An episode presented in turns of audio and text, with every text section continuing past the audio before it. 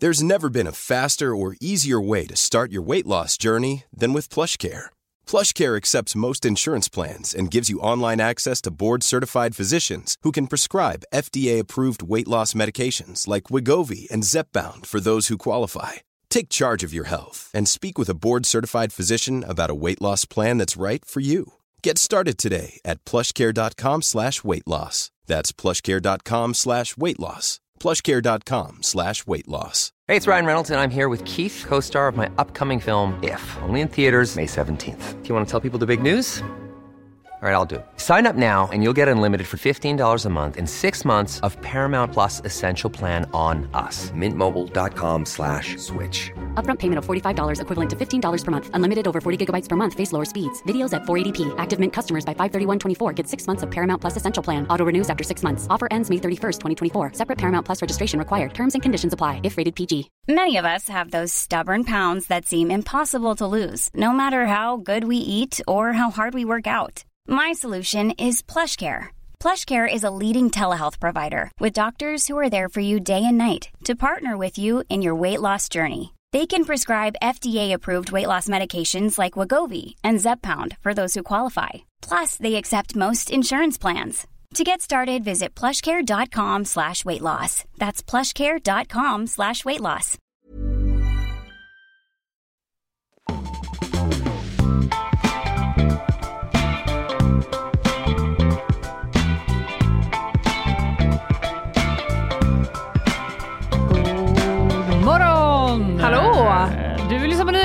Nyhetsshowen! Ja! Live från GP-huset eh, Tjejtisdag den 5 december 2023. Ja, äntligen tjejtisdag igen. Äntligen Tjejtisdag fick ju ingen förra veckan. Nej, snuvade. Det var mitt fel. Ber om. Linnea, alla kan bli sjuka. Du behöver inte be om ursäkt för det. Men det är vi som sänder Linnea Rönnqvist. Hej, god morgon. Och Fanny Wijk. Ja, vad har du på agendan idag? Jag har faktiskt en trestegsraket håller på att säga. Men det blir tre Ja. nyheter om eh, hacking. Jaha. Vad töntigt det lät när jag sa det på eh, engelsk-svenska sådär. Hacking? Mm, hacking hörni.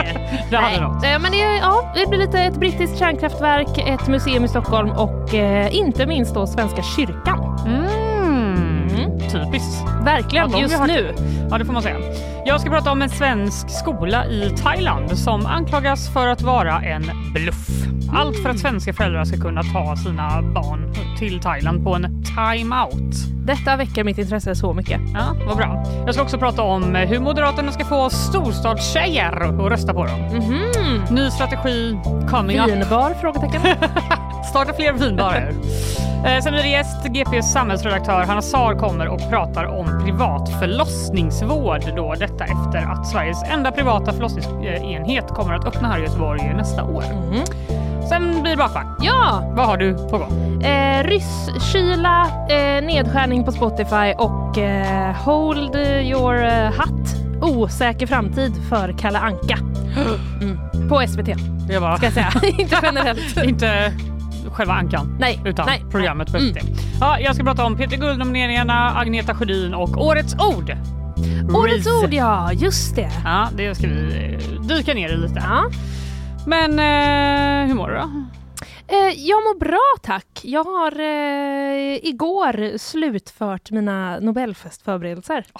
Och det är så skönt. Är du nervös? Eller? Ja. Det, om det är någon lyssnare som har missat det här Mm. så ska ju du alltså få gå på Nobelfesten. Ja, Den riktiga. exakt.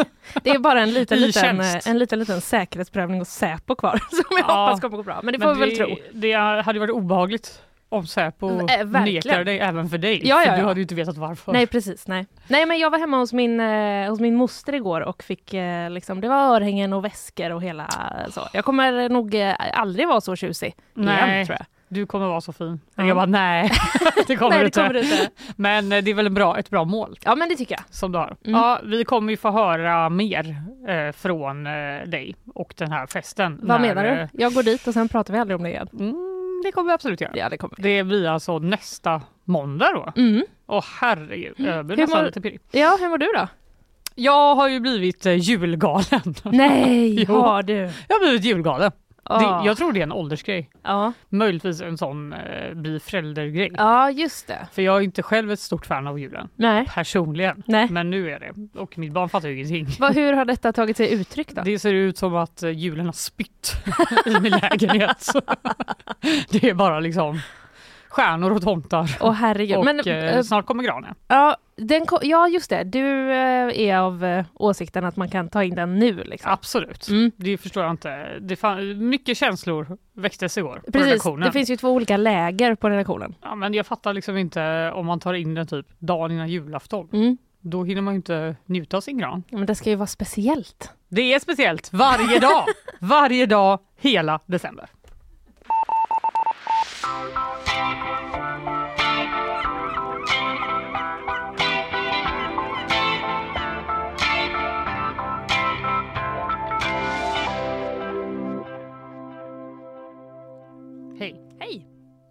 Hjälpte det? Ja. Mm. Vi, vi pillar lite på rattarna. Ja. Men skit i det nu, nu ska vi prata om Thailand. eh, eller då den här svenska skolan. För i decennier va, så har ju svenskarna tagit sitt pick och pack och åkt till Thailand på julen. Mm. Det är inga nyheter med det. Men en- för en del så räcker det inte med en liten charter Nej. över julafton och eh, liksom mellandagarna. Det är för kort. Det är för kort. Många svenskar vill helt enkelt bo i Thailand under vinterhalvåret. Mm. Det är billigt, det är varmt, det är en militär och eh, vad mer kan man önska?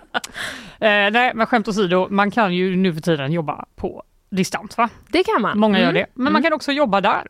Eller ta ledigt Just det. eh, under längre perioder. Men Mm. för oss som har barn så kan det ju potentiellt då finnas ett hinder i den svenska skolplikten. Den finns ju ja. Just du kan det. inte bara ta ungarna ur skolan hur som helst. Nej. De måste ju faktiskt helt enkelt gå där Ja. eh, och få sin utbildning. Och eh, kanske såg du då en nyhet om detta flimra förbi igår i flödet. Eh, Mm. För det var ju så att Solna stad de gick till domstol för att kräva ett föräldrapar på 40 000 kronor i vite för att de lät sina barn gå på en skola i Thailand i början av detta året. Mhm. Eh, Föräldrarna hade ansökt då om att deras son och dotter skulle få fullgöra sin skolplikt på en skola i Koh Lanta mellan ja, 3 januari och 10 mars. Mm. Så ganska ändå lång tid om Ja. man tänker En att god semester. de inte är i svenska skolan. Ja. En god semester. Eh, detta för att föräldrarna då, som själva jobbar i skolan, skulle jobba i Thailand. Mhm. Jag vet inte i, om det var i samma skola. Nej. Men de skulle, hade gjort en sån lösning för att kunna vara borta helt enkelt. Okej. Eh, men Solna stad sa det kan ni glömma. Fast säkert på ett trevligare sätt. Eh, för kommunen tyckte att skolan i Thailand inte var ett fullgott alternativ och att det inte fanns så synliga skäl för att de skulle få godkänt den här ansökan. Föräldrarna åkte ändå. Aha. Därför fick de böter. Vi respekterar självklart skolplikten. Vi jobbar i skolan båda två. Men det är inte ofta man får den här chansen och dessutom var skolan där nere bättre än i Sverige. Sa Burn. pappan till Expressen. Burn Solna stad. Alltså verkligen. Om de nu gick på kommunal skola, det vet man inte. Men. Nej det vet man inte, Nej. men eh, förmodligen. Mm. I alla fall, många föräldrar vill helt enkelt ha en plats i en skola för sina barn eh, under vinterhalvåret i Thailand och därför har det blivit en lukrativ tjänst att erbjuda svensk skolundervisning där. Oj! Ja, detta har Expressen då granskat nu i eh, tre goda texter i alla fall Mm. eh, under gårdagen. Och då eh, fokus är då Eastern Swedish School eller ESS som ligger i Bamper. Det verkar vara en så liten trevlig hamnstad någonstans där. Ja. Eh, de har marknadsfört sin svenska skola med att den kan ge barnen maximal utveckling nära strand, palmer och under föräldrarnas time-out. Mm. Stavad då Fokus som thai Ah, time out. Okej, jag fattar. Ja, Mm. fattar. Ja, eh, det var ju tyngdpunkt i slutet där på något som säkert lockar många. Ja, Så, ja, tänk jätte- att kunna få maximal utveckling nära strand och palmer. Det är så, maximal utveckling. Nära strand och palmer. Ja, man bara, Mm. jag hörde inte det här första, Nej, men precis. det andra lät bra. Det låter toppen. Eh, Den här skolan då tipsar föräldrar som har fått avslag på sin ledighetsansökan i barnens skola i Sverige då att det kan hjälpas, eh, avhjälpas om man istället ändrar rubriken ledighetsansökan till ledighetsansökan från ledighetsansökan och skriver tillfällig förflyttning av skolgång. Mhm. Alltså de har lite tips och tricks för hur man kan liksom, Hur det går få det igenom. godkänt. Ja. De upplyser också då vilka kommuner som har låtit eleverna ta med sig sin skolpeng till Thailand. Ah. Som man tydligen också kan göra. Men tyvärr vittnar nu då flera personer om att denna skola varken haft tillstånd från thailändska skoldepartementet eller arbetstillstånd för lärarna som jobbar där. Oj då. Därför kallar de den för en bluffskola. Mm. Har man inget tillstånd, är man verkligen en skola då? Mm, nej, då kan ju vem som helst säga. En väldigt filosofisk fråga tycker jag. Ja, verkligen. Ja, Men eh, då skulle vi kunna säga att det här är skola. precis. För er lyssnare. Mm. Och det är det väl eller? Vi har ju någon slags Det tillstånd. är det, men ni kan inte få något diplom Nej. för att ni eh, lyssnar på oss varje dag. Eller? Det kan du fixa sen. Ja, jag det ska kommer jobba ta på detta. mycket arbetstid från dig. Men enligt flera då uppgift, eh, uppgiftslämnare till Expressen som har då insyn i den här skolan så har både barn och lärare involverats i att täcka upp för att de saknar tillstånd. Det är liksom någonting som man uttalat vet om där då. Mhm. Eh, rektorn sa om det skulle bli tillslag så måste ni säga till ert barn att de ska påstå att lärarna är föräldrar till barnen som är där. Ja men då, eh, precis, då, det känns ju ändå som att då är man medveten om att det är något man måste dölja. Exakt. Mm. Eh, lärarna har också då uppmanat att inte söka arbetstillstånd utan att istället vara i landet på turistvisum. Mm. Eh, när tiden för turistvisumet åker ut, eller går ut så åker man till ett grannland och återvänder samma dag. En så kallad visa run. Mm. Man åker liksom bara över gränsen. Man sätter och en sen- fot på andra sidan och så kan man komma in igen. Exakt, Ja. och då får man förlängt turistvisum. Eh, och man kan helt enkelt åka tillbaka direkt. Mm. Alltså man behöver inte hålla på där. Då, och anledningen till det ska då vara att de inte vill betala för tillstånd. Okej. Det är en eh, då, person som jobbar som lärare där som säger de vill inte betala för det. De ordnade så att vi kunde åka på visa runs till Vietnam eller Kambodja. De visade hur man skulle göra och de var väldigt behjälpliga. Jaha. Det var ju trevligt. Eh, De sa att kommer någon från myndigheterna så säger ni bara att ni är här och hälsar på. Det lönar sig inte att, att betala arbetsvisum fick vi höra hela tiden, säger samma person. Alltså om det är en kostnad så eh, Exakt. är det ju sällan något som lö- eller ja, det kan ju löna sig på andra sätt såklart. Ja, Typ att man får ett tillstånd typ kanske. att man... Exakt. Ja. Om man nu ska vara sån. Mm. Men eh, det verkar vara då flera personer som Expressen har talat med som beskriver det här som en bluffskola och när personal och föräldrar då konfronterade ledningen om att skolan har drivits utan tillstånd så ska de ha mötts av hot om att en visselblåsare också riskerar straff. Det är i alla fall så de själva har uppfattat det här då. Oj då. Det är olustigt när andra lärare mår dåligt och pratar om att de är rädda. Det har ju hetat att de ska deporteras och aldrig mer kunna komma tillbaka. Och det var flera då, eller någon lärare som ägde ett hus i Thailand Mhm. och som sa då eh, att det här kan leda till att vi inte kan åka tillbaka till vårt hus om vi åker fast, säger en källa. Oj då. Eh, och eh, de hade också, de säger också att de var öppna med att de inte hade arbetsvisum och den här rektorn hävdade att man inte behövde ha det i Thailand. Nej. Eh, alltså att de var med så här, de kollar inte det. Nej. Det skit i det liksom. Mm, Det, är inte så mm. det är ingen som har det. Nej. Lite sån stämning ska det ha varit då. Eh, och på sociala medier så har den här skolan presenterat sina pedagoger med maskerade bilder med alias. Uppenbarligen för att de inte eh, har lärartillstånd då. Ringer väl någon liten eh, misstänksamhetsklocka om man Mm. eh, går in på sitt barns eventuella framtida skola och det bara är så pixlade ansikten. Vet du vad, det är ännu värre. In my opinion. Ja. För att lärarna har fått namn efter Bamsefigurer. De heter Nej! Skalman, Bamse, Farmor och Husmusen. Nej, nu känner jag mer att det är så kodnamn för olika knarkkurirer. Jag vet, det känns så sjukt. Högstadieelevernas lärare presenterades som Lille Skutt. Alltså det Nej. kanske ändå borde få någon att reagera Ja, det kan man ju känna. Ja, det kan man ju ändå tänka sig va? Ja. Om det inte var någon som faktiskt trodde liksom att det var Lille Skutt typ. Men då får man ju vara Besviken väldigt... sen när den högstadieeleven kom dit sen.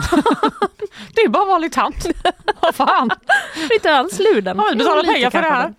Ja, det kostar ju pengar. Man betalar Ja. då eh, upp till 7200 kronor i månaden för att ett barn ska kunna gå i skolan hos den här Bamse-familjen. Då. Och eh, de här klasserna de går från förskolan till högstadiet och eh, varierar i pris Mm. beroende på vilken månad man är där. Det är dyrast under charterbolagens högsäsong. Mhm. Expressen har ju då besökt den här skolan. Den är subtilt målad i blått och gult som svenska flaggan. Väldigt subtilt. Ja, eh, och det verkar ligga i ett väldigt svenskifierat område. De Mm. ger exempel på en restaurang som skyltar med menyerbjudandet Fresh Coconut and Toast Skagen. En kombination från helvetet.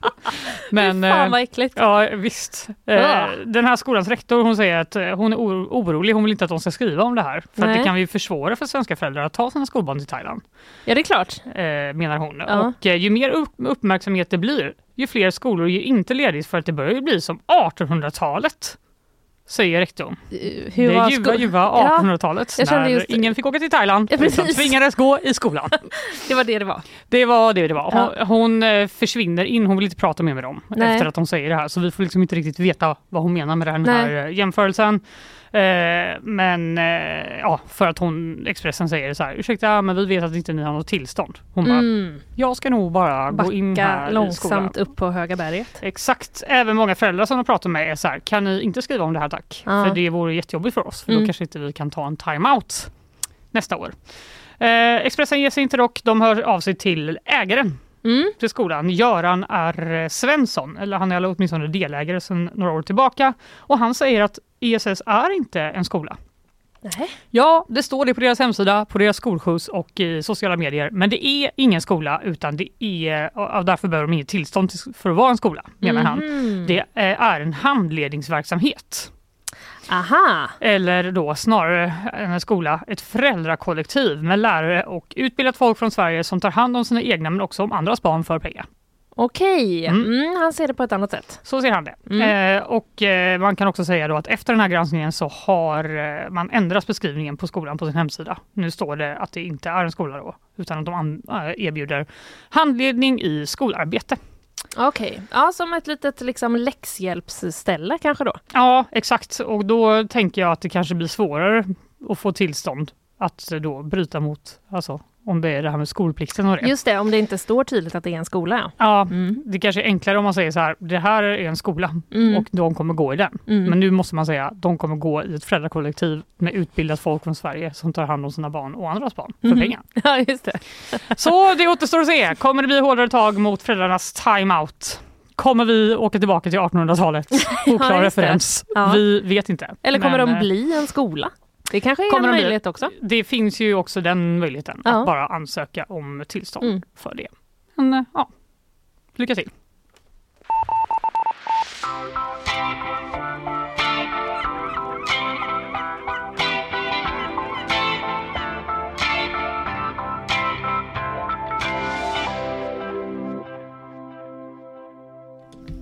Här kommer hon. Här kommer News hon. Persson. Ja. News Persson. Det var länge sedan jag sa det. Har Mm. vi tappat det smeknamnet lite? Det var länge sedan jag hörde smeknamnet. Ja, det som var så bra. ja, men det sker med några veckors eh, mellanrum. Ja, Okej, ja, vi måste reviva, reviva det. Ja. Har du några news Persson? Det har jag. Ja, men då kör vi. Världshälsoorganisationen WHO har uppmanats att flytta sina medicinska förnödenheter från södra Gaza då de kan bli obrukbara i och med markinvasionen som nu pågår i regionen. Det är WHOs chef som skrivit inlägg på X där han uppger att man fått en varning från den israeliska militären att flytta sina lager och att det ska ske inom 24 timmar. Men Israel tillbakavisar uppgifterna och israeliska försvarsdepartementet skriver själva på X att man klargjort att så inte skulle vara fallet och man har sagt detta till berörda FN-representanter. Danmarks största fackförbund 3F varslar om konflikt med Tesla. Detta uppger danska TV2. 3F organiserar hamnarbetare och chaufförer och väljer nu att ta ställning för de svenska fackförbunden och deras kamp för att teckna kollektivavtal med bilföretaget. Fackförbundet har meddelat den danska arbetsgivarföreningen om sympatiåtgärden och en representant för 3F säger till danska TV2 att man inte kan ha egna regler bara för att man är en av de rikaste i världen. Ett militäravtal mellan Sverige och USA kan vara nära. Enligt uppgifter till SVT och Ekot ska samarbetsavtalet skrivas under redan idag när försvarsminister Paul Jonsson träffar sin amerikanska motsvarighet Lloyd Austin i USA. Det planerade avtalet har förhandlats sedan januari och väntas bland annat ge USA tillgång till både militärbaser och lagring av försvarsmateriel i Sverige. Däremot ska USA inte få etablera egna baser utan istället få tillgång till utvalda platser där Försvarsmakten redan finns idag. Om avtalet undertecknas måste det ändå först godkännas av riksdagen och enligt Paul Jonsson kan det träda i kraft någon gång nästa höst. Jaha, ja. Spännande, spännande. Ja, vi får se ifall det blir något avtal. Ja. Det, eh, Norge har ju ett motsvarande eh, redan idag då, som ser ganska liknande ut. Man har en eh, förlaga, Så är det. möjligtvis. Mm. Ja, vad spännande. Vi ses ju sen igen, eh, Isabella. Ja, det gör vi. tuffar vi vidare i programmet.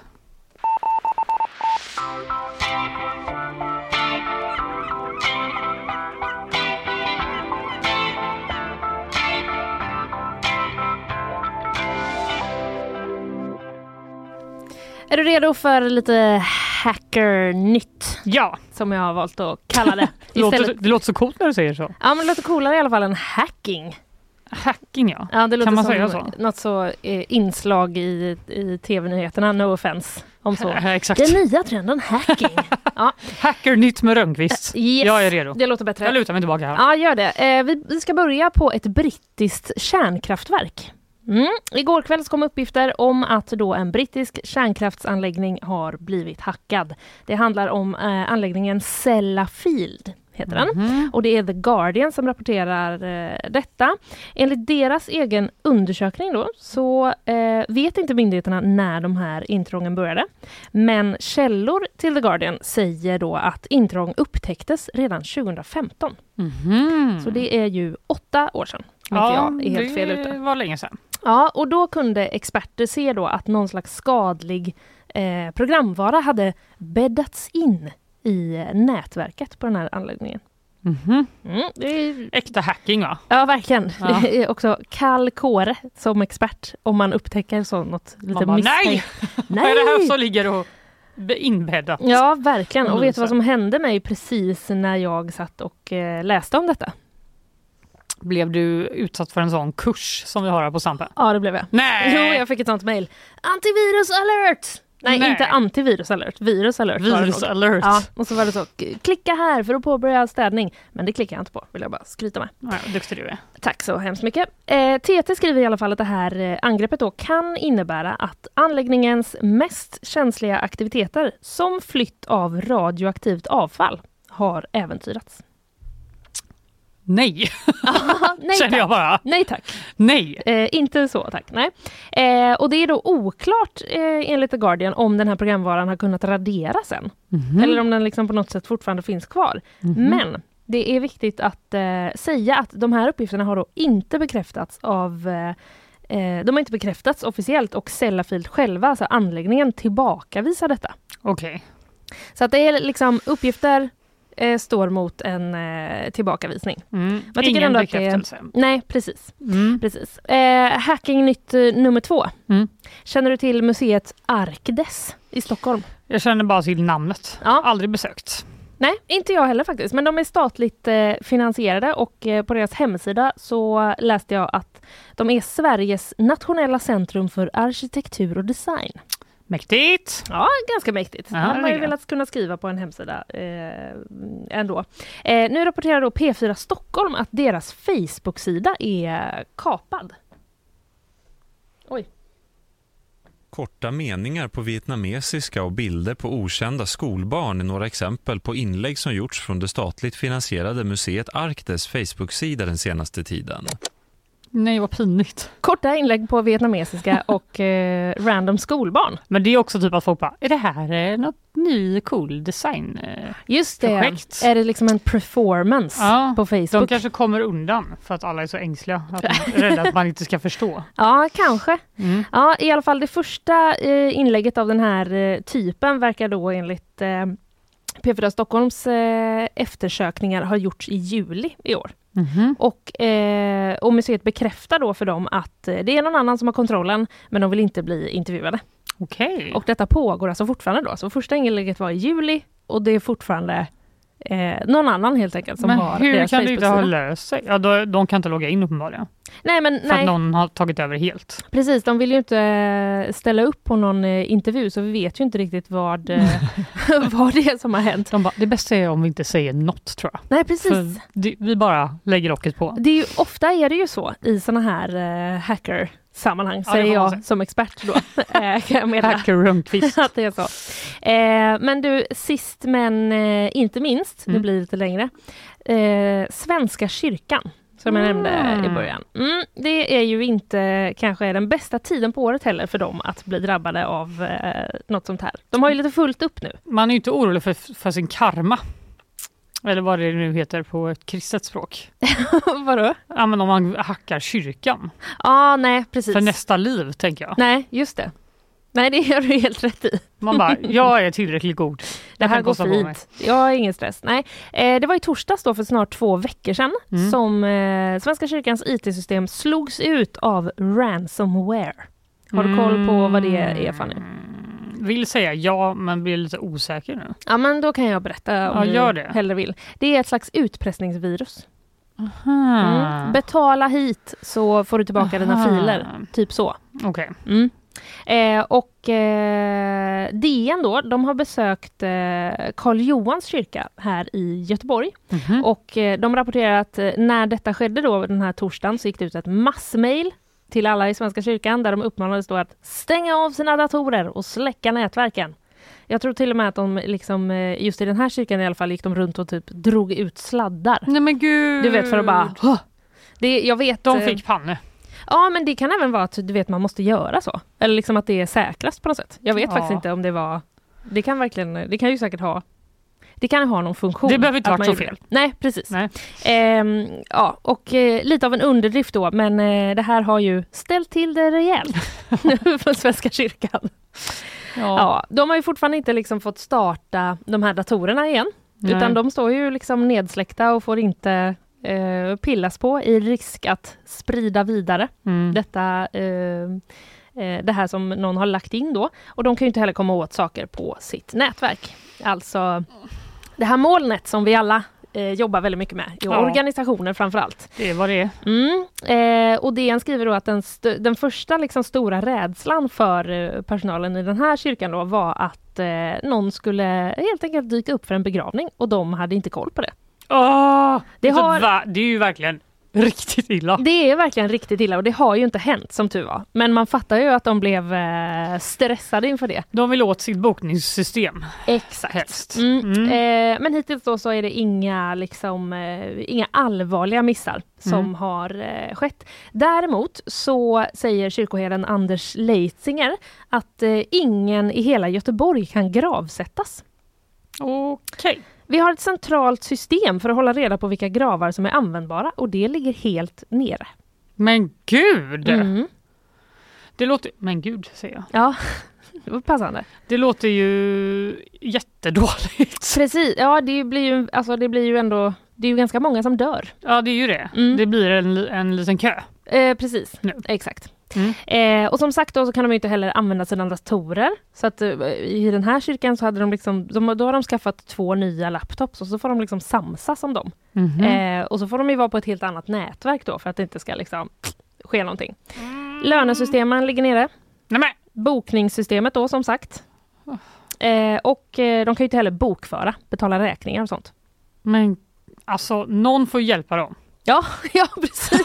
Kan någon hjälpa dem? Åker du dit eh, efter vi är klara här? Det och- tror jag inte hjälper eh, alls. Nej, nej. Men jag känner bara, så här ska de inte behöva ha det. Nej precis, nu får Det de ju... Nej, det, det är ju det som man känner lite grann att nu är det snart Lucia och det kommer vara advent varje vecka och sen är det julafton och ja, hela eh, köret. Men nu, eh, jag har surfat runt lite och liksom läst hur olika kyrkor i trakten har gjort och det verkar som att de flesta nu, eh, man får helt enkelt boka på telefon och så skriver, Åh. de, skriver de ner i en liten almanacka vem som har bokat kyrkan när och sånt. Alltså det var typ så jag trodde det gick till. Ja. Det var min fördom Jo, mot eh, Svenska, Svenska kyrkan. Jaha, det de fortfarande bara, var ringbokning. Vi håller inte på med sådana...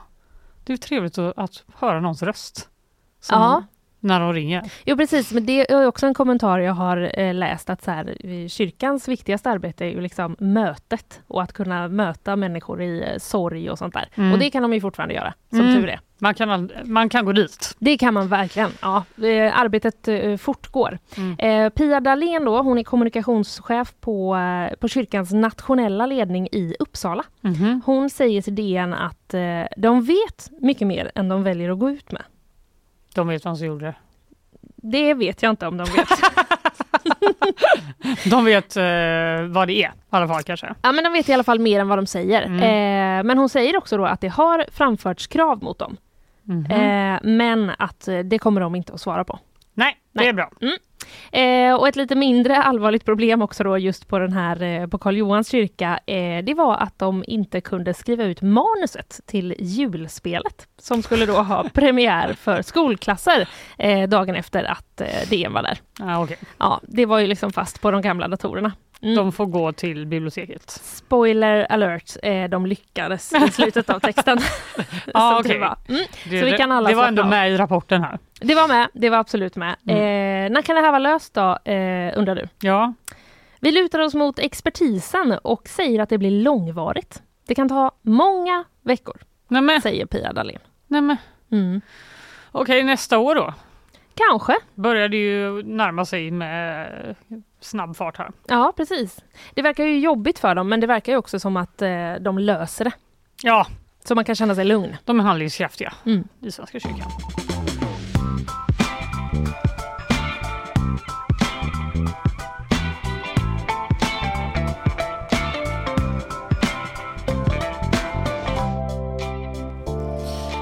I januari 2024 så ska Sveriges första barnmorskeledda förlossningsenhet öppna här i Göteborg. En förlossningsavdelning som inte drivs av regionen är nytt efterlängtat och kritiserat. Varför öppnas den här nu och vad säger grundarna och vad säger kritikerna? Med oss för att prata om detta är GPs samhällsredaktör eh, Hanna Sar. God morgon! God morgon. God morgon. Du, BB Gårda, Mm. det är ju det vi snackar om här va? Mm. Det är alltså en privat eh, förlossningsenhet. Hur funkar det? Den funkar som så att ehm, alltså de kommer att arbeta med nära vård som de kallar det, eller MLBC, Midwifery Led Birth Center. Så tanken är att de tar eh, liksom hemmafödseln och gör den lite mer uppstyrd. Det är liksom Mm. ett, eh, men som du sa, ett förlossningscenter där friska kvinnor med förväntat normala förlossningar ska kunna komma och föda sina barn. Att det finns en sån kontinuitet i vården. För hemmaförlossningar, det pågår även Mm. idag. Det kan Mm. man eh, få med en barnmorska eh, genom regionen, så att säga. Ja och nej. Alltså du får föda ditt barn hemma men de flesta regioner, alltså om du, så här, i de flesta regionerna så, så får du betala allt det här själv, alltså Mm. även din barnmorska. Mm. Eh, just det här gänget som startar eller kommer driva BB Gårda, barnmorsketeamet heter de. De, har, de är liksom profilerade inom hemmafödslar, så det är sånt de har jobbat med förut. Men i de allra flesta regionerna så får du eh, då bekosta din barnmorska själv. Så, så du, har du råd och har du liksom eh, pengar till det så, så kan du ju föda hemma. Du kan ju föda hemma själv också om du vill det. Men Mm. det är ju ingenting som regionen liksom backar. Nej. Nej. Och deras rekommendation, det ska man ändå säga, är ju fortsatt i VGR att, att, att man rekommenderar att föda sina barn på sjukhus. Mm. För de tycker det är säkrare. Liksom. Mm. Men det här eh, BB-gårdar då, alltså Mm. det är som något, eh, någon slags mellanting då mellan att föda hemma och föda på sjukhus, kan man säga det? Jag tror man ska passa sig för att jämföra det med ett sjukhus, för det är inget sjukhus. Det är barnmorskor som arbetar där. Eh, de som kommer föda där, de vill ju inte föda på ett sjukhus. Det är därför de har valt att föda på det här stället. Men visst, alltså det ska vara en hemlik miljö säger man. Alltså Mm. det är fina rum, alltså lite så här, jag vet att de i någon annan tidning beskrev det som att det var lite så spa-känsla Mhm. liksom. Så Mhm. det ska vara gosigt och mysigt och det ska vara nära och det ska vara den lugna, liksom inte medikaliserade födseln om man så säger. Så på ett sätt absolut ett mellanting mellan liksom sjukhus och hemma. Ehm, men, men absolut inte ett sjukhus. Nej. Nej, då, finns det liksom läkare och tillgång till akutvård på BB Gårda? Mm, nej. Nej. Men alltså just det här med vad som faktiskt är akutvård, det, det blir liksom lite intressant här. För någonstans är det ju så här att de flesta som, som föder på sjukhus, de träffar inte heller en läkare. Mm. Alltså, vid en så kallad normal förlossning så behöver, ska du inte behöva göra det. Vi har en lång tradition av att föda med barnmorskor här. Alltså till skillnad från USA där du har med dig en läkare från, från liksom start till mål om man säger. Mm. Eh, så, så jobbar inte vi i Sverige. Så, så nej, det finns inga läkare där. Och sen så vad är akutvård då? Alltså det här är ju supererfarna eh, barnmorskor som har jobbat massa år inom regionen. De är såklart vana vid akuta situationer. det de lutar sig mot och det de, de säger själva hur de ska hantera de här akuta situationerna, då är det sådana saker som sen avnavling. Man säger att det viktigaste för barnet är syre och blodtillförsel. Vad är det för någonting? Sen Ja, men det, det är någonting man redan sysslar med i regionen. Men eh, ett barn eh, sitter ju fast i sin mamma Mm. med en navelsträng som går till moderkakan. Och så länge den navelsträngen är liksom intakt, så länge man inte har klippt den, eh, då får ju bebisen blod och genom blodet även syre från Mm. sin mamma. Så så länge liksom den sitter så länge bebisen sitter fast i en frisk och levande person eh, så klarar den sig väldigt bra, även om den har det lite kämpigt med att liksom Ja, sätta okej. igång och andas utanför Mm. kroppen om man säger. Mm.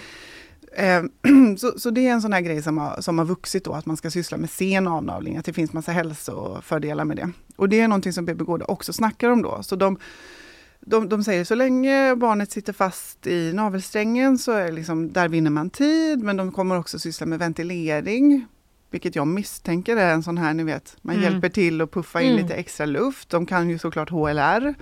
Mm. Men sen, alltså jag menar, placeringen av BB Gårda är ju inte en slump. Det är vadå, Nej. sju minuter från Östra. Jag tror jag läste på deras Instagram att det är 500 meter från närmsta ambulans. Just det. Just det. Eh, så. Så det finns liksom en plan om någonting eh, Mm. går snett så pass att det, de inte kan hantera det där så kommer Ja. man att köra liksom, mamma Ja men och barn precis, till, ja, men menar, de, till kommer, de kommer ju aldrig kunna eh, liksom, utföra ett akut kejsarsnitt, för det Mm. behövde ju en läkare för att göra. Mm. Eh, men då pratar man istället om att man går upp en vårdnivå, så vid en, liksom, en frisk och normal födsel, säger vi, då ska du inte behöva de insatserna, liksom, även om det skulle bli akut i form av att någon får syrebrist till exempel. Mm. Just det.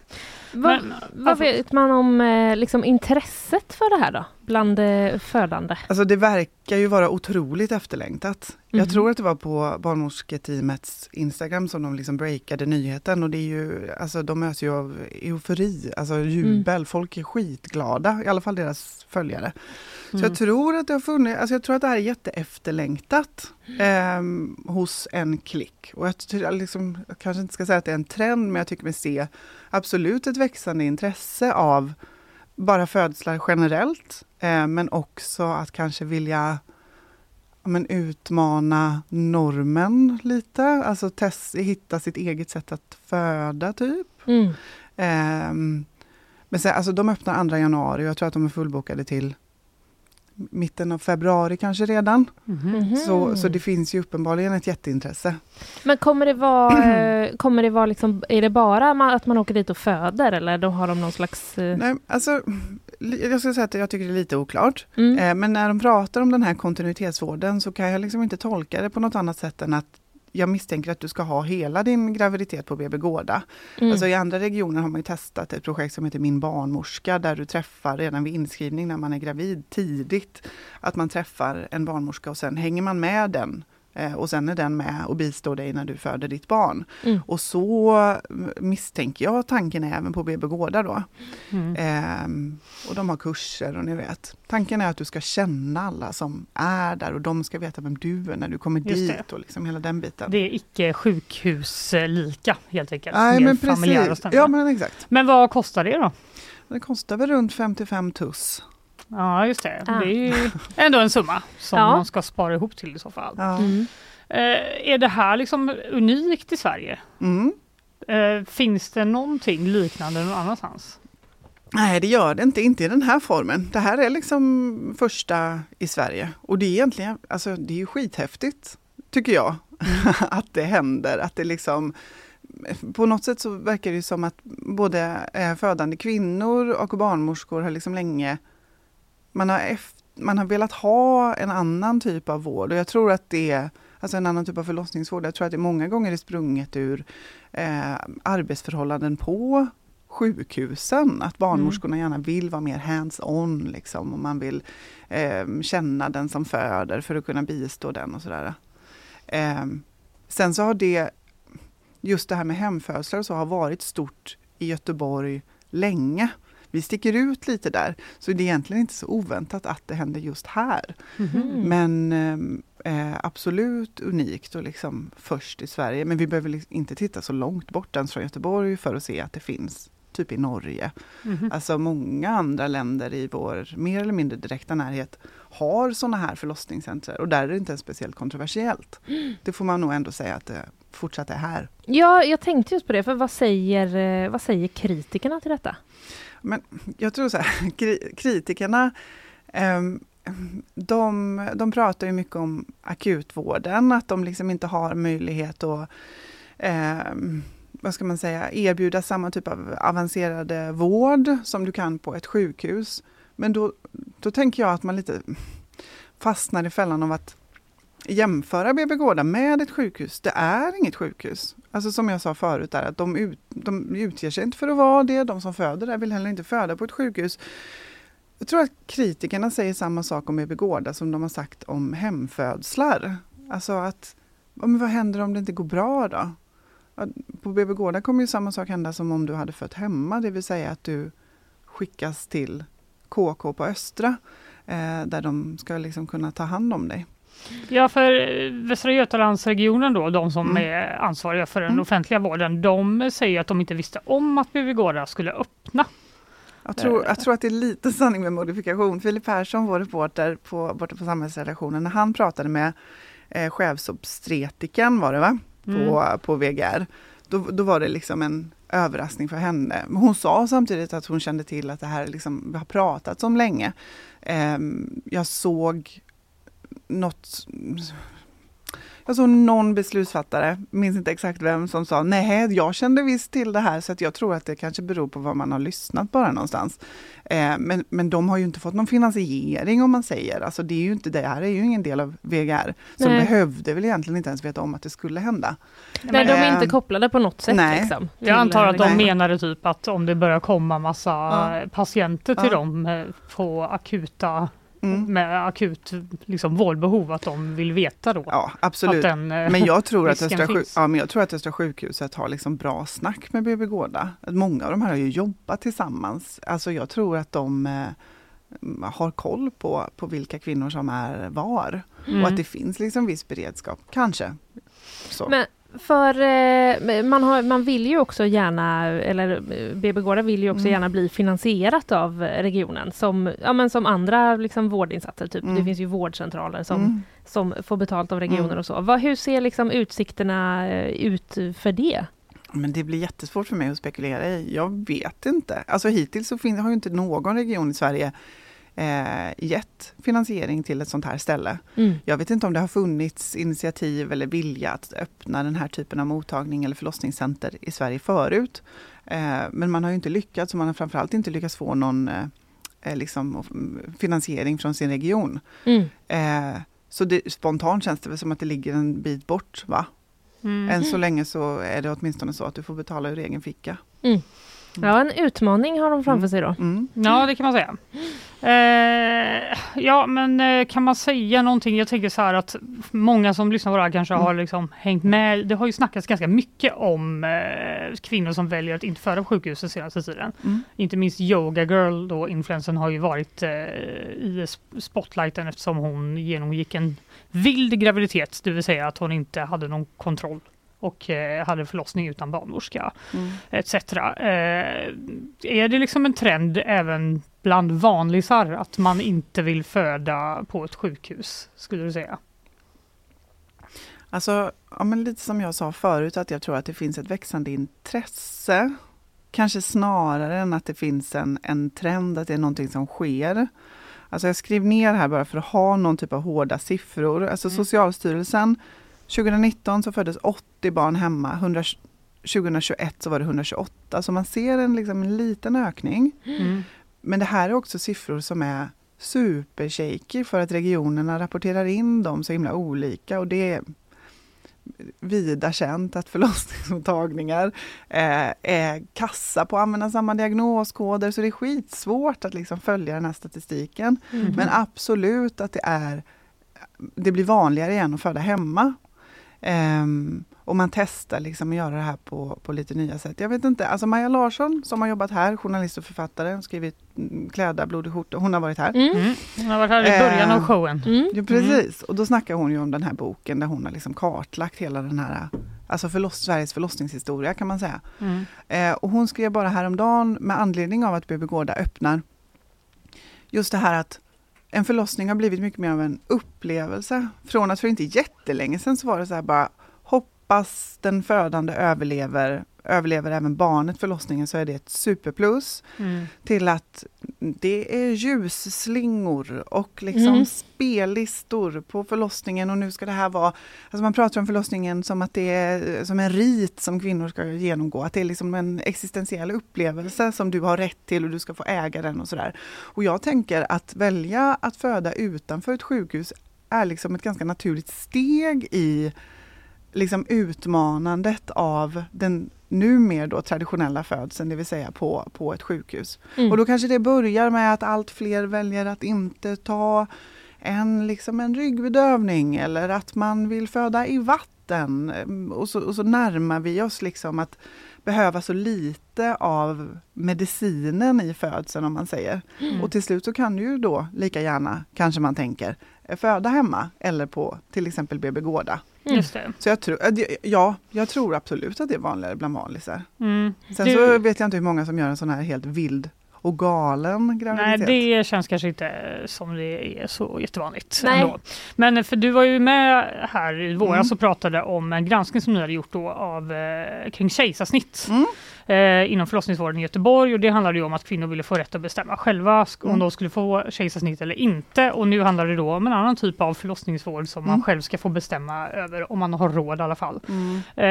Eh, finns några likheter mellan de diskussionerna tycker du? Jag tycker det finns jättemånga likheter. Vilka då tänker du? Ja, men alltså, I grund och botten så tänker jag att det handlar om eh, kvinnor oftast eh, som vill bestämma över sin egen kropp och, och sin egen födsel. Att man vill ta liksom, makten över den. Mm. Och, och det är egentligen hela grejen med kejsarsnittet också, att jag vill få bestämma det själv. Det är ingen annan som ska bestämma det. Och då har vi ett gäng eh, gravida som, som lite så utmanar ändå den liksom auktoritet. Vården har ju ett ganska, vad ska man säga, fast grepp om oss eventuella och blivande patienter. Mm. Eh, och vi har ett stort förtroende för vården. Det händer ju någon, det blir ju ett maktskifte när patienten eller den födande kommer in och börjar liksom domdera och säger jag vill ha det på det här sättet. Mm. Fast rekommendationerna kanske är det här. Eh, man testar vad man egentligen har för rättigheter. Och det är egentligen samma sak här. Nu verkar det vara väldigt kontroversiellt och framförallt kanske provocerande ska jag säga, när en gravid vill bestämma själv Mm. över liksom sin kropp eller sina pengar och vad hon vill lägga dem på. Liksom. Men det är väl egentligen den, den, den gemensamma nämnaren i både vår granskning om det svenska kejsarsnittet och frågan här om att föda på BB Gårda. Det tror jag bara handlar om någon typ av fri vilja och att vilja göra eh, lite vad man vill. Mm. Ja, det känns som att just trender inom förlossningsvården kommer vara på tapeten eh, mer nästa år Ja, och kanske mm. även eh, mer av kritiken som eh, BB Gårda har fått beroende Säkert. på eh, när det mer utkristalliserar sig hur det här ska fungera egentligen Mm. helt enkelt. När de Spännande. öppnar. Ja, de öppnar helt enkelt i januari. Andra? Eh, andra januari. Mm. Så eh, vi till, på återseende tänkte jag säga, Mm. men till dig möjligtvis Anna Sar i detta ämne. Tack för att du eh, kom hit idag. Tack för att jag fick komma. oh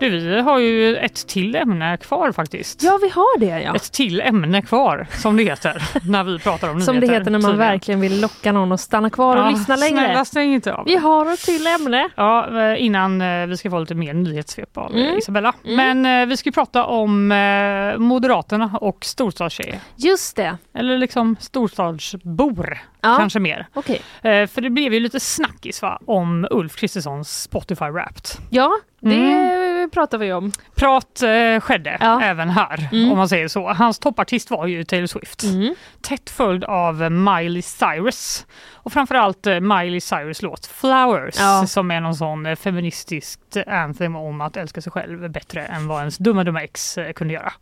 Ja. Eh, jag har i alla fall sett flertalet memes med så att det sitter en kille och photoshoppar ihop den här bilden som Mm. Ulf eh, har lagt upp. Så drar in så Taylor Swift på en annan artist. Ah, att det skulle vara en, liksom, en fejkad rap för att Exakt. eh, så relatera.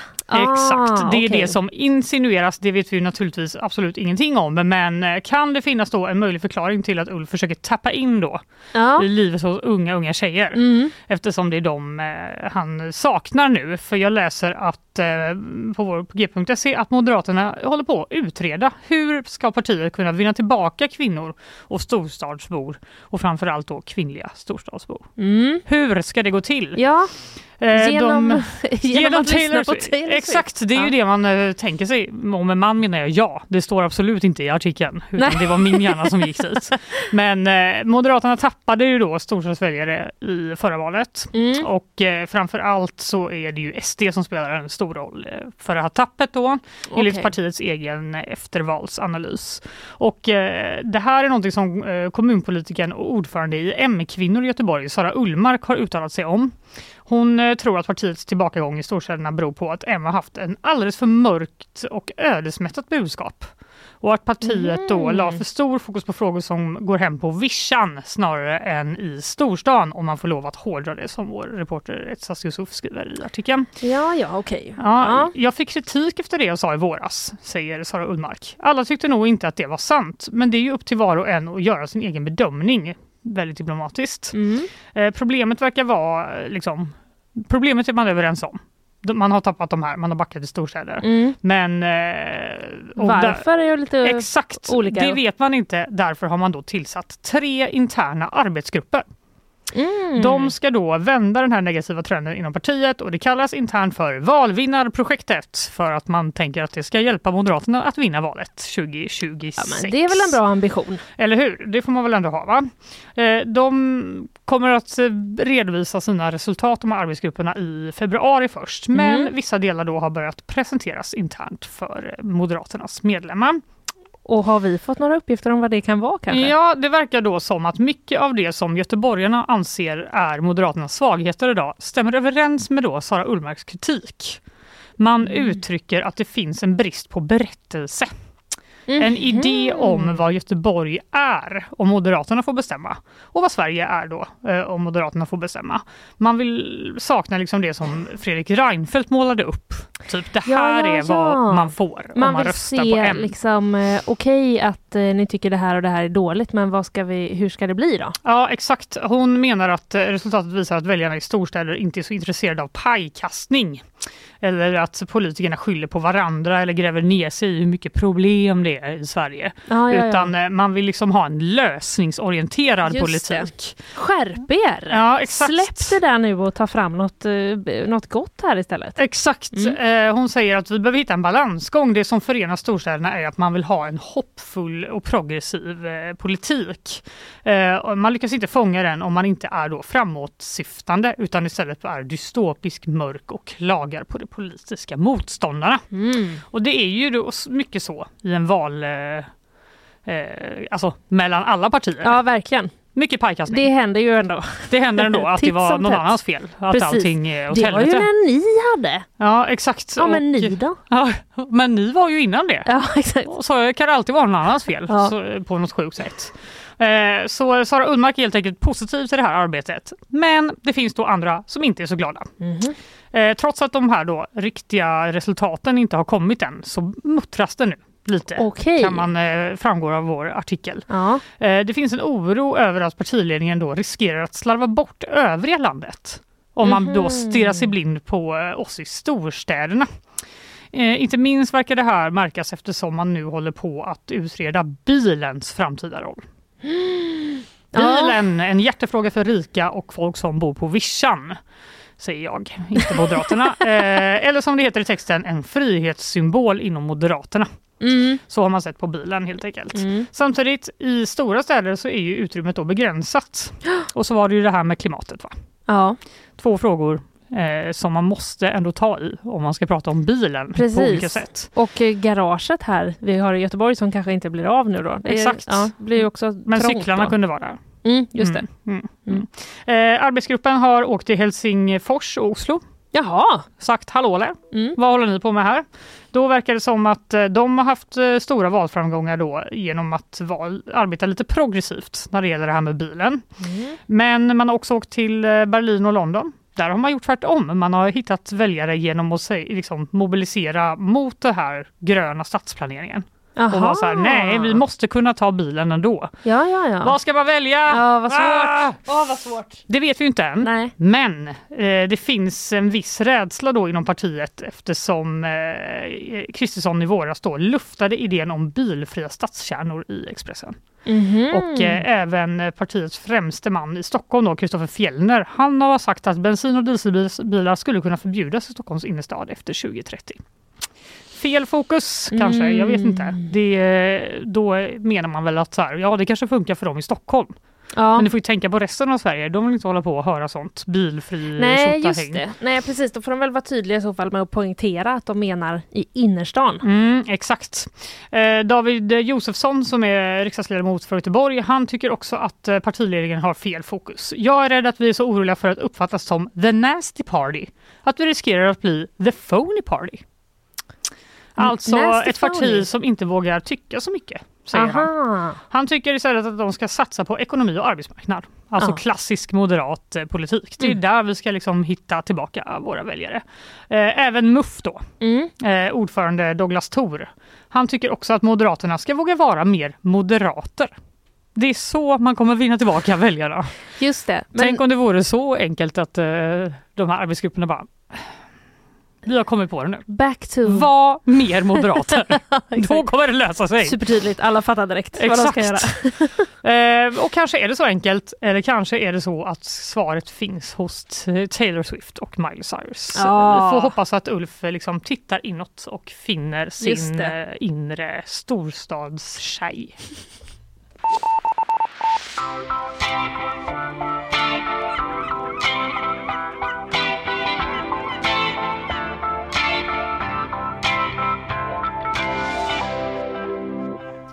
News Persson är tillbaka. Ja! Hon har information med sig. Aktieuppdatering Aktieinformation. från Oj, oj, oj. eh, Israel. Ska vi prata blankning? Vi ska prata blankning. Flera Mm. nyhetssajter nu under morgonen rapporterar om att blankare eh, kan ha gjort miljardvinster på Hamas attack mot Israel. Mhm. Eller har gjort kan man nästan säga. Eh, det är den israeliska tidningen Haaretz som rapporterar det här. Mm. Eh, och uppgifterna kommer från eh, en rapport eh, som bland annat satts ihop av en tidigare SEC-kommissionär som är USAs motsvarighet till Finansinspektionen kan man säga. Mhm. Och de har granskat en enorm mängd då blankningar som har gjorts eh, bara dagar innan attacken den 7 oktober när Hamas gick in i Israel.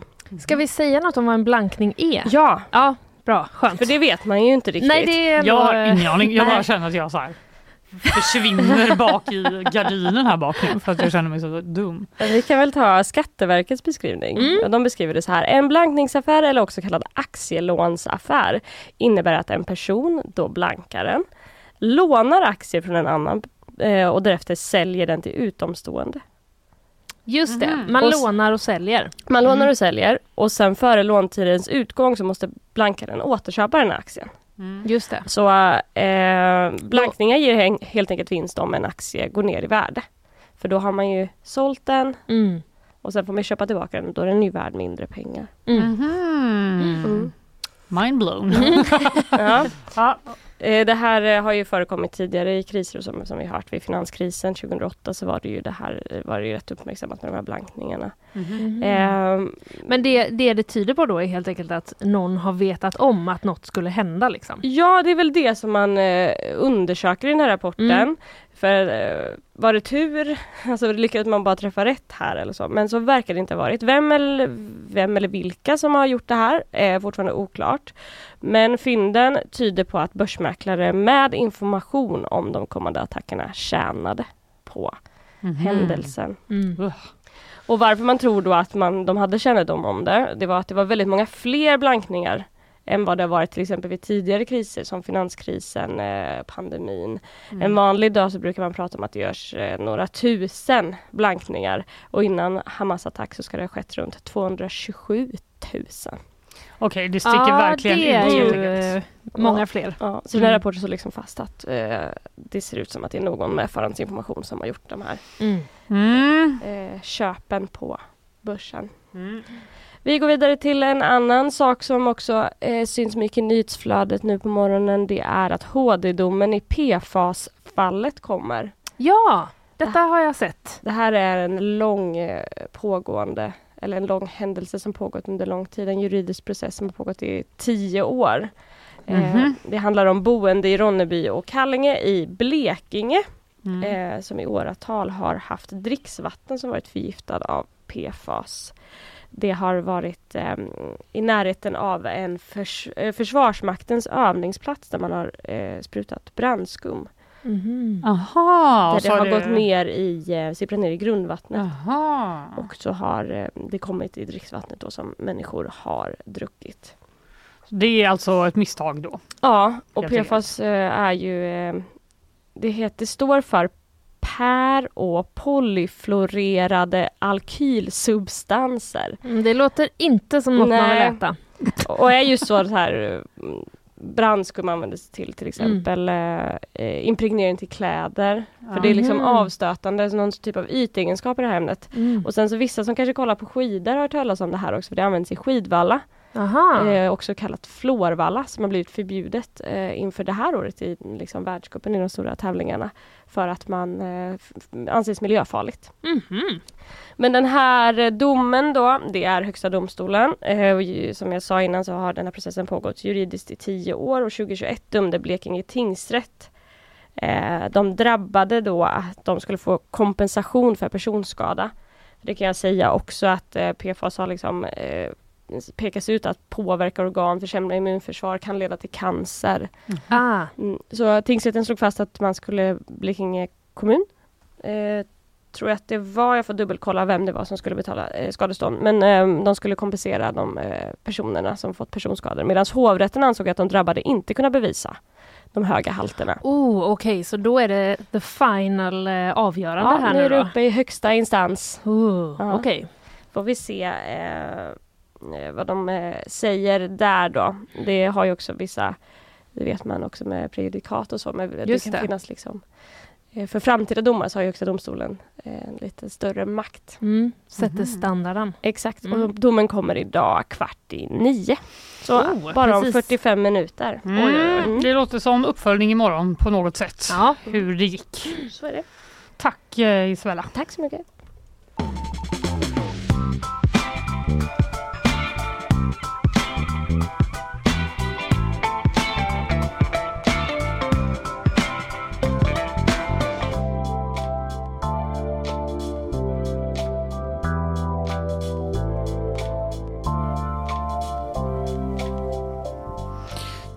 Igår kom ju nomineringarna till P3 Guld.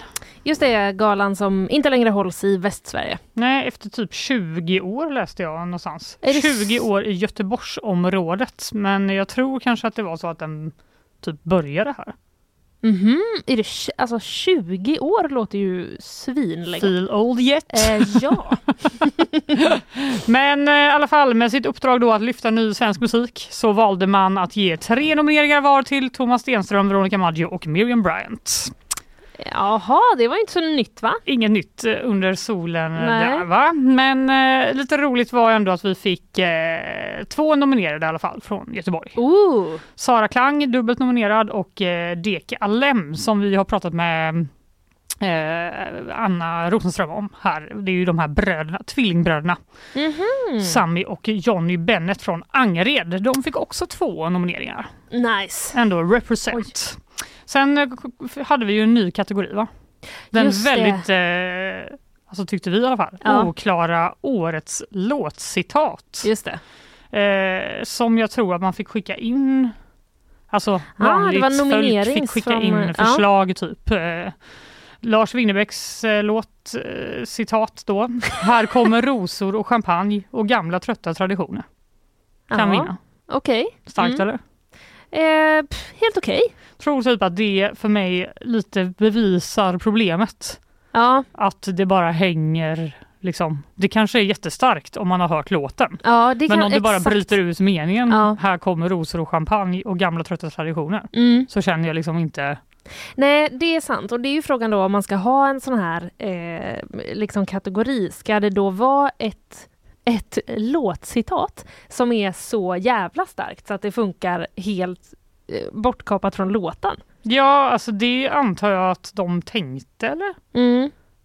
Fast jag vet inte. Nej. Det är ingen som vet riktigt. Nej. Man, eh, Man kanske får gå in och lyssna för att liksom ge det en eh, ärlig chans. Det är typ mitt eh, råd, Mm. eh, utan att ha själv hört den här låten. Mm.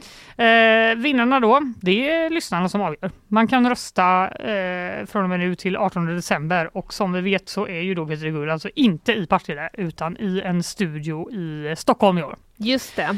Eh, med eh, den 27, 26 januari. Ja. så. vi får väl se hur det går för Lars Winnerbäck eh, då. Jag behöver inte liksom nämna alla nominerade känner jag. Nej precis, jag blev så nyfiken så jag gick in och eh, tittade lite här nu. Men det kan jag rekommendera att man går in och läser på dem då. Vill du säga något som sticker ut enligt dig? Eh, nej men jag såg bara just nu att eh, Fricky var, står överst bland de eh, nominerade här. Mm. Eh, du tvingas vänta på mig som jag var en nattbuss och jag ville aldrig se dig frysa men var kalldusch. Mm.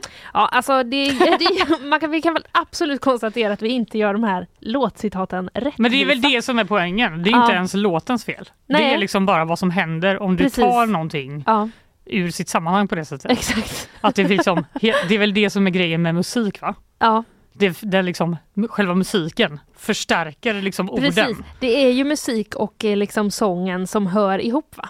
Japp. Och det var vi som sa det först.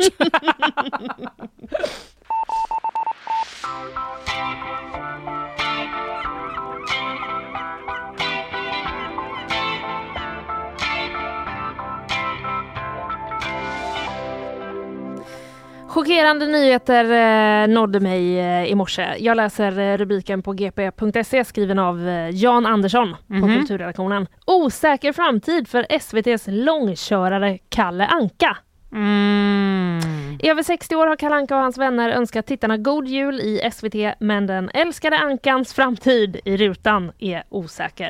Ja, det känns som att det har snackats om detta i många år va? Mm. Det är väl för att eh, barn inte bryr sig om den här gamle, gamle Kalle. Ja, det, möjligtvis. Eh, Carolina Stallwood, eh, SVTs inköpschef, eh, säger så här. Vi kan inte lova någonting. Det Nähä. gillar man ju inte att höra. Jag känna mig lite orolig här nu. Okej. Ja, i alla fall. Eh, de senaste 25 åren då så har Kalle Ankas, eh, Kalle Ankas tittarsiffror legat stabilt runt 3,5 miljon. Eh, och med lite Ursäkta? enskilda toppar då på strax under 4,5 miljon och en liten liten dipp eh, förra året eh, tydligen. Eh, men Det är ju eh, jättemycket. Ja, det är ju otroligt mycket. Och som Jan skriver, det är ju eh, Kalanka är ju så att säga mycket mer än eh, liksom eh, TV. Det är ju tradition, historia, det är ju en känsla va. Ja, det är det ju. Det är därför, det är inte för att man tycker kanske nödvändigtvis att eh, det är en sån himla bra historia när eh, det fälls ut en liksom kuliss från eh, husvagnen. Men schackfärgen, Linnea. Precis, schackfärgen. Ja. Så kreativt. Eller eh, den här eh, majs... Eh, ätningen till eh, skrivmaskins Jag bara eh, myser direkt när du pratar om det. Ja, eller hur? Men det är väl bara att man vill ha det på. Inte att man aktivt vill titta på det så Nej, mycket. nej precis, det är ju inte att man känner kanske vilket starkt låtcitat höll jag på att säga, som han levererar här nu. Ser du stjärnan? Gud vad tjusigt det Nominerad var! till Petri Guld.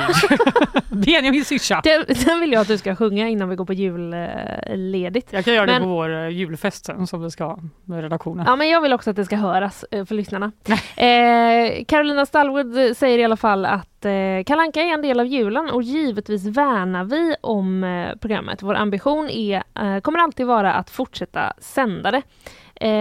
säger hon då. Men det det handlar eh, Jo, hon håller helt enkelt eh, i eh, förhandlingarna med Disney om sändningsrättigheterna. Eh, däremot vill hon inte berätta någonting då om eh, vad det kostar eller hur ofta det här kontraktet eh, förhandlas. Men jag läser här till vår stora glädje att eh, det har, SVT har säkrat visningsrätterna för ett antal år eh, framåt. Mm. Avgör inte hur många då, men jag tror inte vi kommer få en överraskning liksom nu eh, väldigt, eh, väldigt eh, snart. Så verkar det inte vara. Men det Det är, är ju... inte så, nästa år blir inget. Utan Nej, precis. Men det, det rör ju sig i trakterna här kring liksom, eh, vad lägger man sina pengar på? Ja, det får man eh, säga. på SVT. För det har ju varit liksom sparkrav och eh, allt möjligt i hela mediesvängen. Eh, och det finns ju faktiskt här, precis som du var inne på, en tydlig generationsklyfta Mm. i synen då på hur viktig Kalle Anka är eh, på julafton. Enligt företaget Mediamätning i Skandinavien så, ja, så hör eh, åldersgrupperna då 3 till 14 år och eh, 15 till 24 ofta till de mer svårflörtade tittarna. Ja men vi är väl den sista generationen som bryr oss om det här. Ja, jag tror att eh, vi, kanske, vi kanske är det. Eh, Det känns ju väldigt, väldigt svårt att jag skulle liksom få min dotter att bry sig lika mycket om ja, Kalle just det. som, Mm. som vi gör. Då, liksom. ja, för då tror jag typ att du måste liksom väldigt kraftigt begränsa hennes tillgång i övrigt till, eh, till det. Jag önskar att jag hade den viljestyrkan, Ja, men det har jag inte. Du får bara kolla på TV en gång om året. På julafton. ja eh, herregud. Ja, Mm. nej men eh, det finns en väldigt en eh, lång, lång text eh, att läsa på gp.se som, eh, som handlar om det här om man är mer intresserad. Det någonting säger mig att många av våra lyssnare kanske är det. Mm, vi länkar.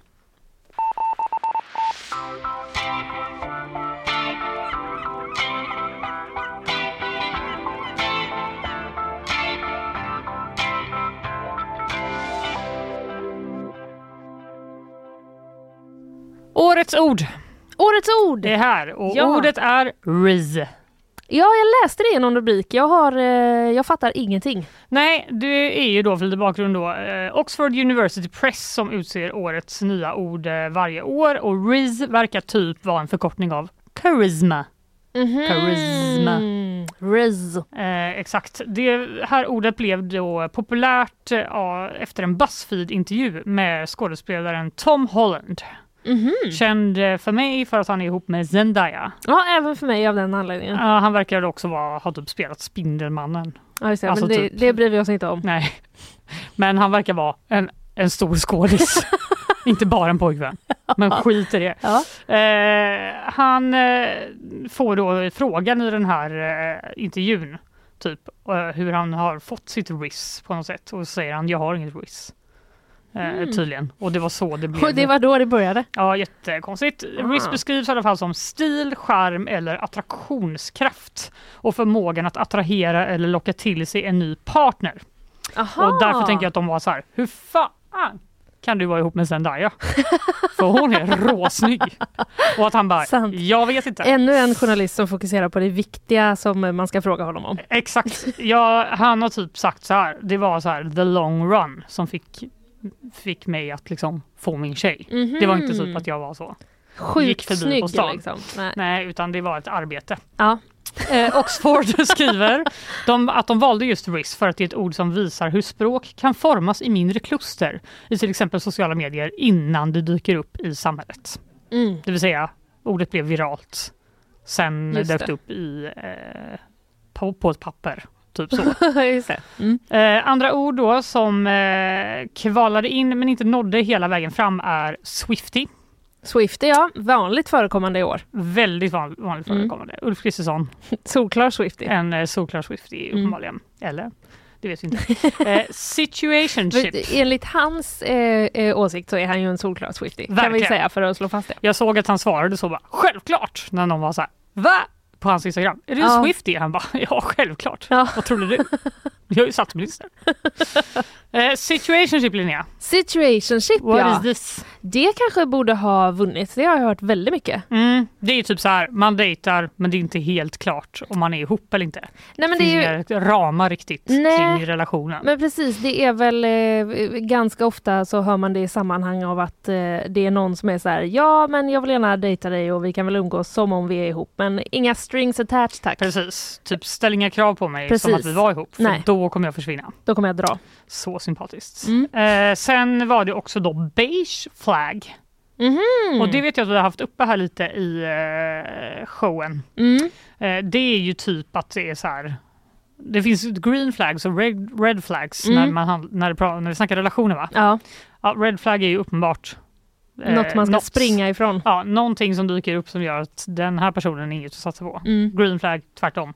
Beige flag det är typ så här lite tråkiga, ganska intetsägande beteenden som partnern har. Det är liksom ingen dealbreaker. Nej, Men det är ändå någonting eh, Typ du att- har eh, reagerat på. ja, Typ. är det inte att det är lite löjligt också nästan? Eller så här, lite Jo. töntiga grejer? Jo, det verkar som att eh, jag läser här då på av någon anledning Metromode. För det var den första sajt som kom upp när jag googlade det här. Ja. Visste inte att det fanns. Men att eh, TikTok då, hashtag beigeflag, där finns det 500 miljoner visningar eh, i juni i år. Mm. Så vi kan ju tänka att det är ännu fler nu då. Ja. Och att eh, det är typ något som är varken bra eller dåligt men får dig att haja till när du mär- lägger märke till det och sen fortsätter du bara. Alltså någonting konstigt med Mm. din partner då. Eh, på TikTok berättar användare om de beiga flaggor som de upptäckt hos sina partners. Till exempel då, min partners beiga flagga är att han inte sätter telefonen på ljudlös på natten eftersom han är rädd att det betyder att alarmet inte kommer höras på morgonen. Gud, det är min beiga flagga också. Jag bara, det är min röda flagga. Fan, sätt hjulet på ljudlös. Hur är du galen? Eh, här är det också någon som är, min pojkväns beiga flagga är att han blir otålig på restauranger och hjälper servitrisen att bära tallrikarna till vårt bord. Nej, det är en röd flagga också. Det är för konstigt. Det var faktiskt väldigt konstigt.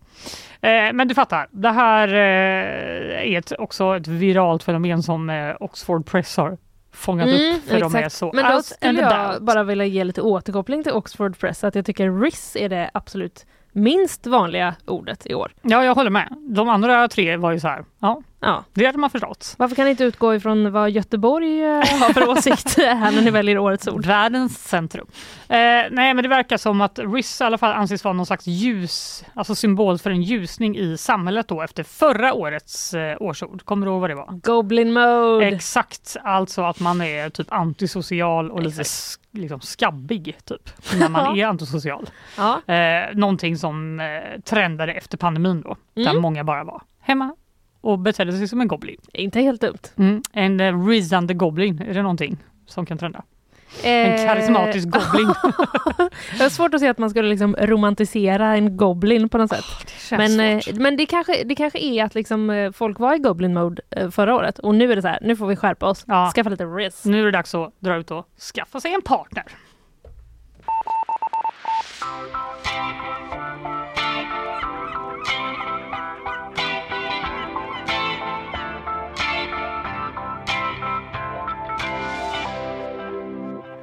Nu blir det kyla Fanny. Ja, Mm. jag är beredd På GP. på den här informationen. nu kommer den. Mm. Eh, på gp.se så läser jag om eh, den tidiga rysskylan. Minus 58 grader.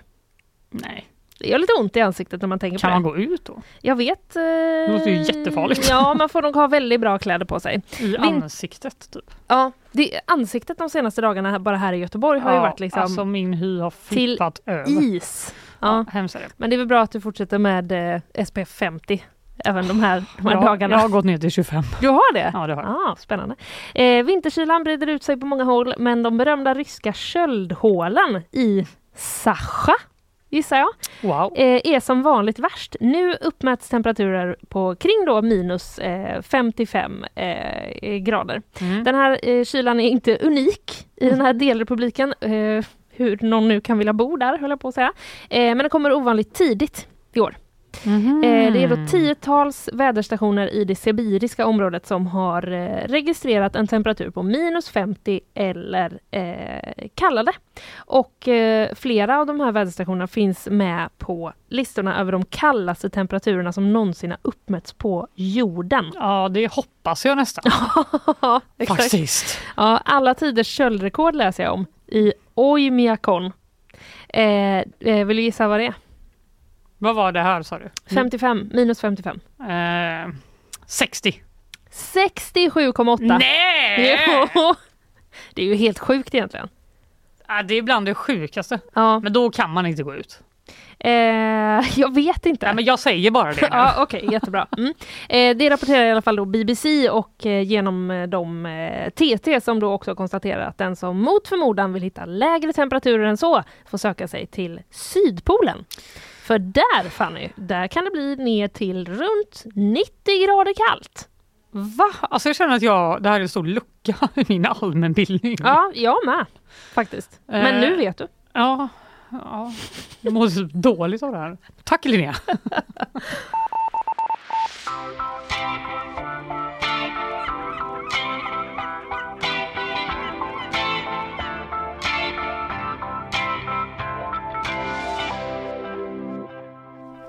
Igår läste jag en nyhet. Ja. Nyheten var, handlade om TV4. De är i farten igen. De Mhm. håller Aha. på, du vet. Det De görs om, det läggs mycket. ner. Nu gör de om det klassiska programmet Agnetas nyårskarameller. Mhm. Ett program jag inte visste fanns och aldrig har hört talas om, men som tydligen har sänds sedan 1995. Oj! Ja.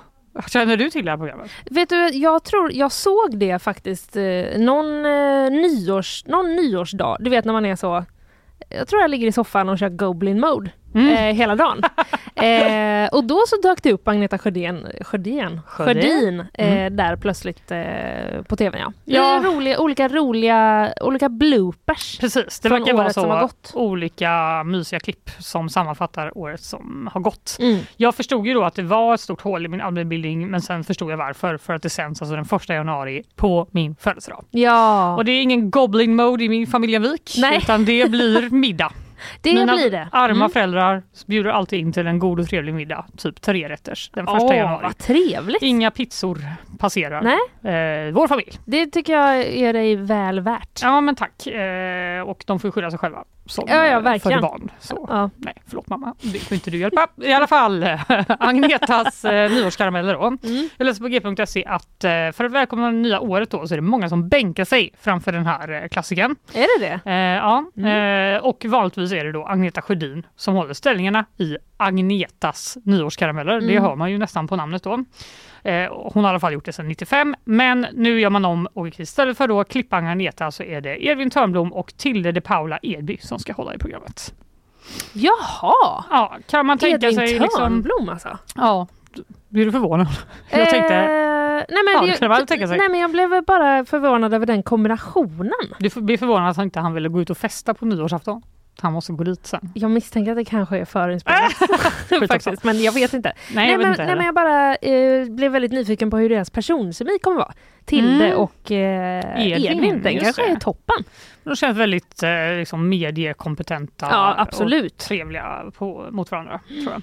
Men i alla fall, då undrar man ju varför har Agneta bara tröttnat? Eh, Ja. Hon har ju gjort det här sedan 95. Det Ja. hade man ju kunnat förstå va? Mm. om hon var så här, skulle hellre vilja göra något annat på Jag ska ha nyårsdagen. påskkarameller nu istället. Exakt. Nej, det verkar helt enkelt vara så att hon fick sparken va? Nej. Eh, Det var TV4s beslut. I ett sms till Expressen så skriver Agneta Sjödin att eh, det var inte, det är fyrans beslut helt och hållet. Inte mitt. De ville göra förändringar. Åh nej vad tråkigt. Så himla tråkigt. Ja. På sin Instagram så skriver hon att hon dock kommer gästa programmet. Kanske det mest Mhm. bjussiga jag har hört. Ja, det är Av Agneta Sjödin. det är faktiskt Att hon väldigt bara, bjussigt. jag vill inte sluta med det här. Ni har ersatt mig med två andra personer. Men ja, om ni frågar så är det klart att jag kommer hit som gäst. Hon eh, säger också att Tilde och gänget kommer göra ett superjobb så ni kan med säkerhet se fram emot kanonprogram. Traditionen lever vidare ändå, skriver hon. Vilket proffs! Oh, alltså det, Ny respekt för Agneta Sjödin. Det där är bland det proffsigaste jag har, eh, Själv jag har hört. hoppas det går åt helvete! Kommer inte kolla! När Fanny har fått sparken från nyhetsshowen skickar ett sms och så, så! Hoppas ni är trötta varje morgon när jag ska gå upp på söndag. Nej, men eh, hon kommer att gästa. Det kommer också eh, Benjamin Ingrosso, Johanna Nordström och Mauri Hedmundsson göra. Om Mm. någon, eh, kanske som likt jag då, för första gången kommer kolla på det här programmet. Du kanske kommer inkorporera det i ditt födelsedagsfirande från och med nu. Nu får alla lägga ner kniv och gaffel och bänka sig. Nu tittar vi. Ja, exakt.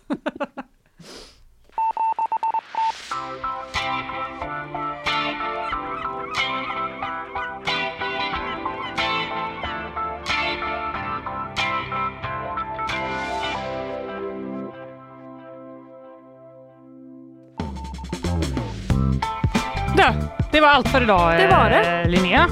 Eh, jag pratade ju om Ulf Kristersson. Hur ska han få storstadsbor och tjejor att eh, rösta på Moderaterna? Är det genom TV Swift? Kan vara. Kan det vara? Vad pratade du om i början av Ja, men programmet? det blev ju en eh, tre gånger eh, hacker-saker. Mm. Jag, Hack- jag kan fortfarande inte... med Rönnqvist som Ja. vi döpte det till. Mycket bättre uttryckt. Mm. Eh, Det var ett brittiskt kärnkraftverk, uppgifter i alla fall om att det var, eh, hade utsatts för ett intrång. Det Mm. tillbakavisades av dem själva. Ni kan lyssna mer för att höra. Ja. Sen var det ett museum i Stockholm och sen var det också då Svenska kyrkan som nu får boka bröllop och begravningar och dop på papper. Ja, det verkar så jobbigt för dem. Kämpakyrkan.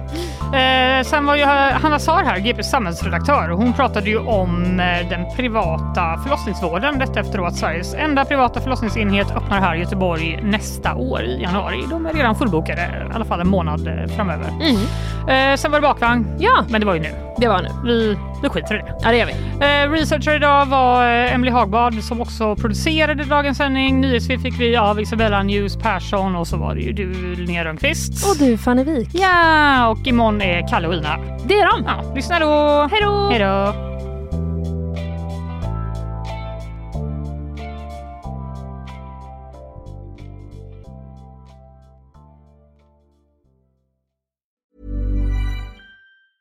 Even when we're on a budget, we still deserve nice things. Quince is a place to scoop up stunning high-end goods for 50 to 80% less than similar brands. They have buttery soft cashmere sweaters starting at $50, luxurious Italian leather bags, and so much more. Plus, Quince only works with factories that use safe, ethical, and responsible manufacturing. Get the high-end goods you'll love without the high price tag with Quince. Go to quince.com slash style for free shipping and 365-day returns. Hey, it's Paige DeSorbo from Giggly Squad. High quality fashion without the price tag. Say hello to Quince. I'm snagging high-end essentials like cozy cashmere sweaters, sleek leather jackets, fine jewelry, and so much more. With Quince being 50 to 80% less than similar brands.